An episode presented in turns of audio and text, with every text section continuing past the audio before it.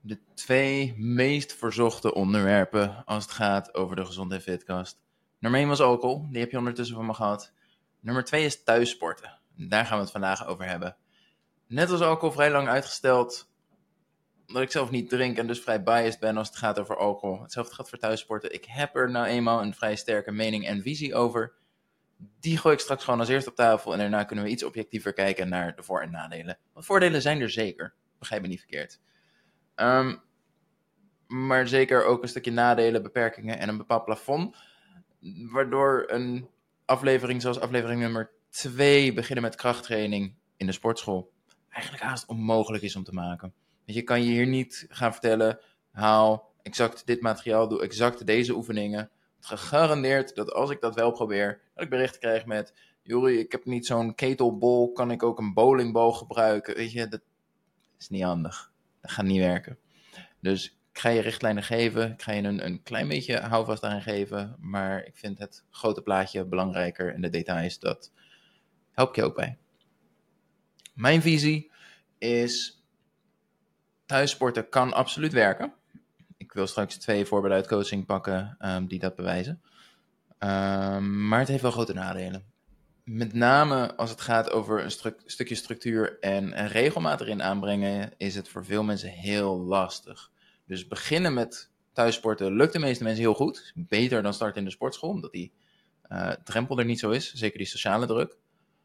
Maar om er vervolgens ook een bepaalde routine in aan te brengen, om een bepaalde structuur te hebben waarmee jij ook consequent iedere week je trainingen doet, daar gaat het voor de meeste mensen wel een beetje mis.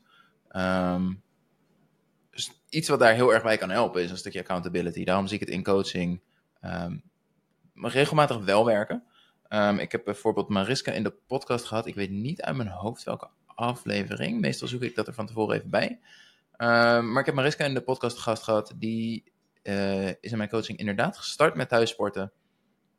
En richting het einde hebben we besloten dat zij, um, of heeft zij besloten dat ze wel klaar was voor de sportschool. Dus ze merkte thuis een bepaald plafond bereikt. Hè. Ik, um, um, de oefeningen worden saai en ik, ik, ik, moet of nu heel veel nieuw gewicht gaan aanschaffen of ik moet iets anders gaan doen. Nou ja, ze besloot voor iets anders gaan doen, is de sportschool ingedoken. En ik geloof dat ik na training 1 het bericht al kreeg. Waarom heb ik niet veel eerder die stap gemaakt? Uh, aflevering 47 is het trouwens. Er is een leven na het afvallen met Mariska. Dus dat. En dat is eigenlijk wel uh, de opbouw die ik in coaching het meest inzet. Dat we kunnen starten met thuissporten. Veel mensen hebben ook al heel wat materiaal liggen, omdat ze het al heel vaak geprobeerd hebben. Wel met in gedachten, je zal op den duur een plafond bereiken met wat je thuis kan bereiken. En dan is de sportschool een hele logische vervolgstap. Of niet. Bedoel, het kan ook zijn dat je zegt, ik vind het een laagdrempelige manier om te sporten. En als ik wat kilo's kwijt ben, dan wil ik gaan hardlopen of iets anders gaan doen. Helemaal fantastisch. Maar ik heb maar heel weinig mensen die de komende vijf jaar, tien jaar thuis gaan sporten. Terwijl ik ken genoeg mensen die vijf à tien jaar in de sportschool bezig zijn. Een ander mooi voorbeeld is uh, Monique, die me vanochtend nog appte.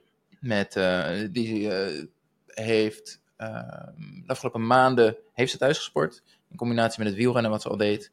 Waar een stukje krachttraining enerzijds voor een stuk spierbehoud tijdens het afvallen was. En ter ondersteuning pijntjes voorkomen en blessures voorkomen als het gaat om het wielrennen. Waar um, nu ook de knoop is doorgehakt, sportschoolabonnement afgesloten. En uh, die gaat daar lekker volle bak aan de slag. Eigenlijk is het altijd een kwestie van heel eerlijk naar jezelf zijn. Van oké, of ik ben mijn... Uh, ik heb het plafond bereikt met wat ik met mijn materiaal wat ik nu heb echt kan doen thuis. Ofwel, het begint gewoon saai te worden. Want je kan veel minder variëren met wat je thuis aan gewichtjes hebt. En, en aan mogelijkheden hebt. Ik bedoel, niet iedereen heeft een heel squat rack en bankje en weet ik het wat in zijn woonkamer staan. Hoop ik. Ik weet niet, ik kom niet bij heel veel van jullie thuis. Ik zit een beetje ver. Dus, um, nee, dus ik ben gewoon beperkt in variatie qua oefeningen en dat maakt het saai op den duur. Uh, ik ben ook heel eerlijk in uh, alles aan lockdowns. Ik heb echt geen bal uitgevoerd thuis. Materiaal ook niet aangeschaft, omdat ik weet, ik vind er gewoon geen bal aan. Ik wacht wel tot het weer open gaat en dan pak ik het weer op. Was optimistisch, want het duurde allemaal wat langer dan iedereen had gehoopt en verwacht. Daarvoor uh, kan ik nu op de blaren zitten. Ik ben in drie jaar eigenlijk alles aan progressie kwijt. Ik ben nu weer twee jaar bezig om het op te pakken. Jammer dan. Ik heb er ook volledig vrede mee. Het laatste wat ik had gewild is dat ik me in die periode continu achter mijn eigen hol aan had moeten zitten om wel te gaan sporten. Dus keuze gemaakt, consequenties, helemaal prima. Als het gaat over de voor- en nadelen van thuissporten. In mijn optiek de grootste voordelen zijn één, het is veel makkelijker in te plannen. Zeker als jij uh, kinderen hebt, misschien een partner die s'avonds vaak weg is of nog werkt. Uh, is het vrij lastig om inderdaad te zeggen, ik ga naar de sportschool. Weet je, je bent gewoon anderhalf uur kwijt met reistijd, uh, het sporten, omkleden, et cetera. Ja, dan kan het best wel lekker zijn als jij twee keer in de week, 20, 30 minuten even voor jezelf kan pakken om met wat gewichtjes te gooien in de woonkamer of waar dan ook in huis. Vaak ook geen probleem om de kinderen daar een beetje mee te nemen. Kun je die ook voor maken, als ze elkaar maar heel houden wat gewichten betreft. Dus dat maakt hem vrij laagdrempelig en makkelijk in te plannen. En dan vroeg ik op Instagram ook van, joh, zeker de mensen die al thuis sporten, wat zien jullie nou als de grote voordelen eraan? Um, Eén waar heel veel van jullie het eens zijn, Willeke, Hanne, Marieke, Shawnee, Caroline, Jennifer, Mirjam. Het grote voordeel, je kan het doen wanneer het uitkomt. Het is makkelijk tussendoor. Dus als de kinderen op bed gaan, nog even snel sporten. Uh, tussen werkvergaderingen in, s ochtends voor het werk. Super flexibel, absoluut fijn. Uh, Esther Paula geeft aan geen reistijd, dus je hebt enorme tijdswinst. Eens. Het gaat al gauw over 20, 30 minuten per training dat je onderweg bent. Uh, Marieke, Jeske en Marieke nummer 2 geven aan minder prikkels. Dus inderdaad, sportschool is een vrij uh, drukke omgeving. Veel mensen om je heen. Als je daar gevoelig voor bent, dan kan thuissporten fijn zijn. Tegelijkertijd, in mijn optiek, denk ik juist dat die prikkels enorm kunnen helpen. Enerzijds om, is het gewoon goed om daarmee om te leren gaan. Maar tegelijkertijd denk ik ook, um, dit valt een beetje onder een van de nadelen die ik heb neergezet. Het kan heel motiverend werken dat je juist in zo'n energieke, actieve omgeving bent. Waar ik met enige regelmaat hoor, ja, ik begon thuis met sporten, maar toen uh, lag er nog een sok op de grond. Dus die bracht ik naar de wasmand. Toen zag ik dat de wasmand vol was, dus die gooide ik in de wasmachine. En toen was ik een half uur verder en had ik geen tijd meer om te sporten. Ik ken maar weinig mensen die naar een sportschool gaan, één oefening doen en denken, zo, dan ga ik nu naar huis om de was te doen. Als je er eenmaal bent, dan motiveert het wel om door te gaan. Dus dat vind ik wel een heel groot voordeel aan juist in de sportschool sporten. Uh, Melanie geeft aan, het is heel laagdrempelig, uh, maar voor mij nu nog niet laagdrempelig genoeg. Heel mooi. Nelleke, Marike, Jolien geven aan uh, lage kosten. Eens. het heeft wel het nadeel dat je, zeker als je, het goed wil doen, in het eerste jaar best wel wat kosten maakt. Dus om te starten valt het heel erg mee, maar pak een beetje drie maanden, zes maanden later bereiken we een punt dat je meer en meer gewichten moet gaan halen. En dan kijk je wel al gauw richting de 100, 200 euro. Ja, tegelijkertijd met een sportschool. Wat ben je tegenwoordig voor een jaar abonnement kwijt? Basic Fit gaat ook richting de 200, denk ik. En een fatsoenlijke sportschool. Um, ja, zo niet het dubbele. Tot zover voordelen. Ze zijn er in overvloed. Uh, maar er zitten ook zeker nadelen aan. Het is namelijk zo makkelijk als het is om het wel in te plannen, is het ook heel makkelijk om het niet in te plannen. Ik bedoel, het is maar een half uurtje. En ja, oeps, ik was toch nog met de was bezig. Oeps, er kwam toch nog iets tussen. Oh, mijn kinderen hadden iemand meegenomen vanuit school. Uh, en dat was mijn sportmoment. Dus het is heel makkelijk om het niet in te plannen. Het is heel moeilijk om er structuur in aan te brengen. Om echt vaste momenten te hebben waarvan je zegt, nu ga ik sporten.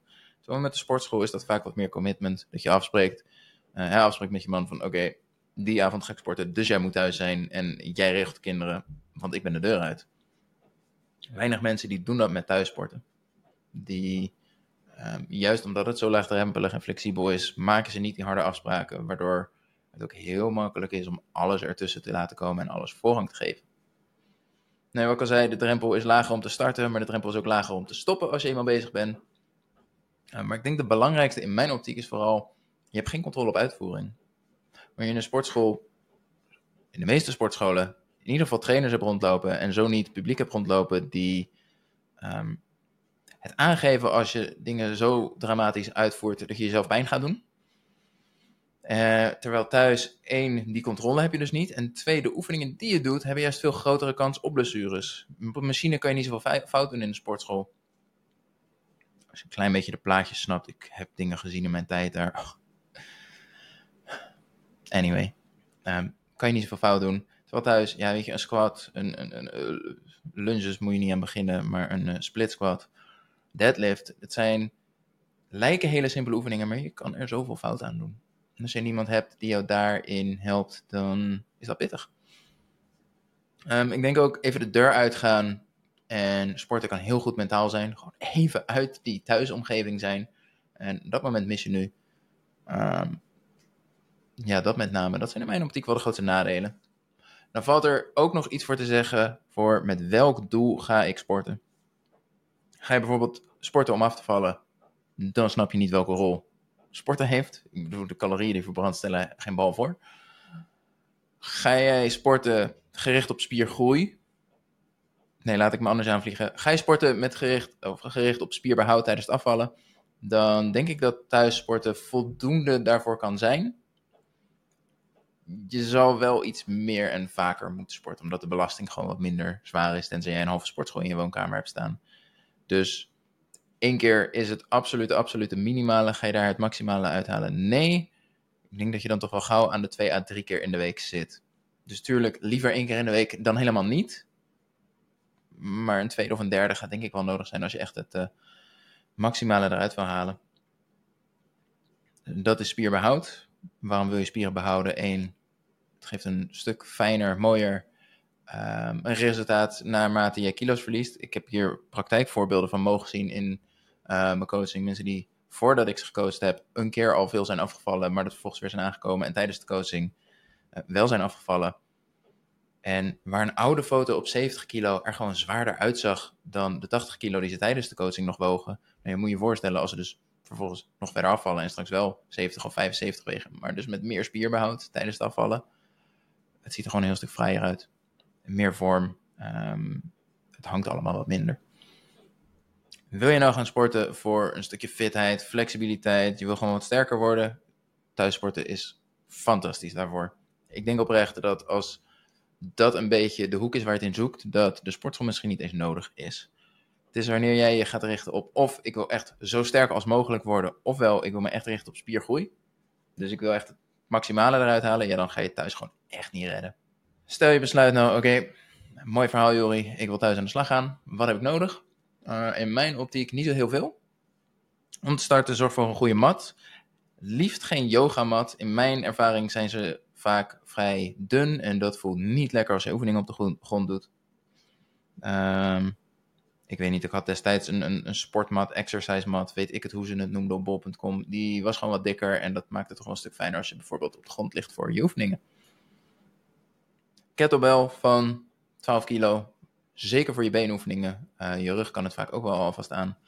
Dumbbells van 2 en 4 kilo kom je een heel eind mee. Merk je nou, ik kom op een punt dat ik daar niet meer genoeg aan heb. Zwaardere kettlebell van 16 kilo. Dumbbells van 6 en 8.